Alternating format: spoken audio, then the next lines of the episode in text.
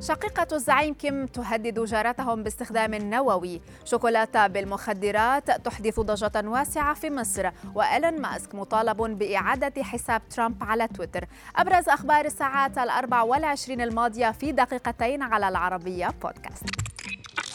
نبدأ من كوريا الشمالية حيث هددت كيم يو جونغ شقيقة زعيم البلاد بأن بلادها ستضرب جارتها الجنوبية بأسلحة نووية إذا تعرضت لضربة استباقية من قبل الجنوب.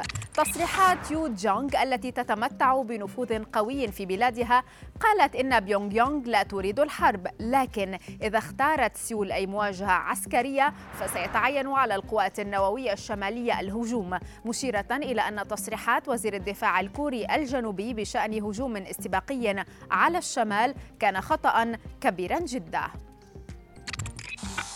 بعد تداول تقارير تفيد بوجود مادة الخشخاش المخدرة في بعض أنواع الشوكولاتة في مصر أعلنت وزارة الداخلية سحب عينات من الشوكولاتة وتحليلها للتأكد من خلوها من أي مادة مخدرة.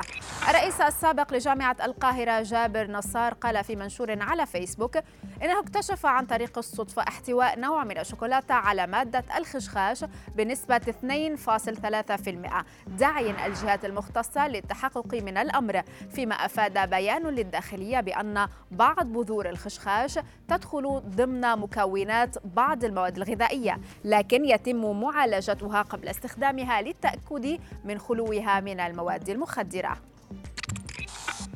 وإلى أمريكا هذه المرة حيث طلب الجمهوريون من الين ماسك إعادة حساب الرئيس السابق دونالد ترامب على تويتر بعدما أصبح مؤسس شركة تسلا أكبر مساهم في منصات التواصل الاجتماعي. نواب في الحزب الجمهوري طالبوا ماسك في تغريدات لهم برفع الرقابة السياسية في الموقع الشهير وإعادة تفعيل حساب ترامب فيما ارتفع سعر أسهم تويتر بنسبة 25% بعدما اشترى ماسك حصة 9.2% في الشركة ليصبح أكبر مساهم لكنه لا يمتلك غالبية الأسهم. ما زالت قضية النجم الأمريكي ويل سميث تتصدر حديث ال social media ووسائل الإعلام. والجديد أن شركتي أبل ونتفليكس أعلنت إلغاء مشروعات كانت مقررة سلفا حول حياة الفنان الصافع. صحيفة نيويورك بوست الأمريكية أشارت إلى أن نتفليكس تتجه لاستبدال مشروعاتها حول حياة ويل سميث بأفكار أخرى عن ممثلين من السود. معتبرة العمل مع ويل سميث أصبح مجازفة كبيرة فيما علقت شركة سوني أيضا مشاريعها مع سميث ووصفته بالمضطرب. وفي خبرنا الأخير لا تزال سفينة الشحن ايفر فورورد عالقة في خليج المكسيك قرب الولايات المتحدة منذ أكثر من ثلاثة أسابيع بعد محاولات فاشلة لتحريرها.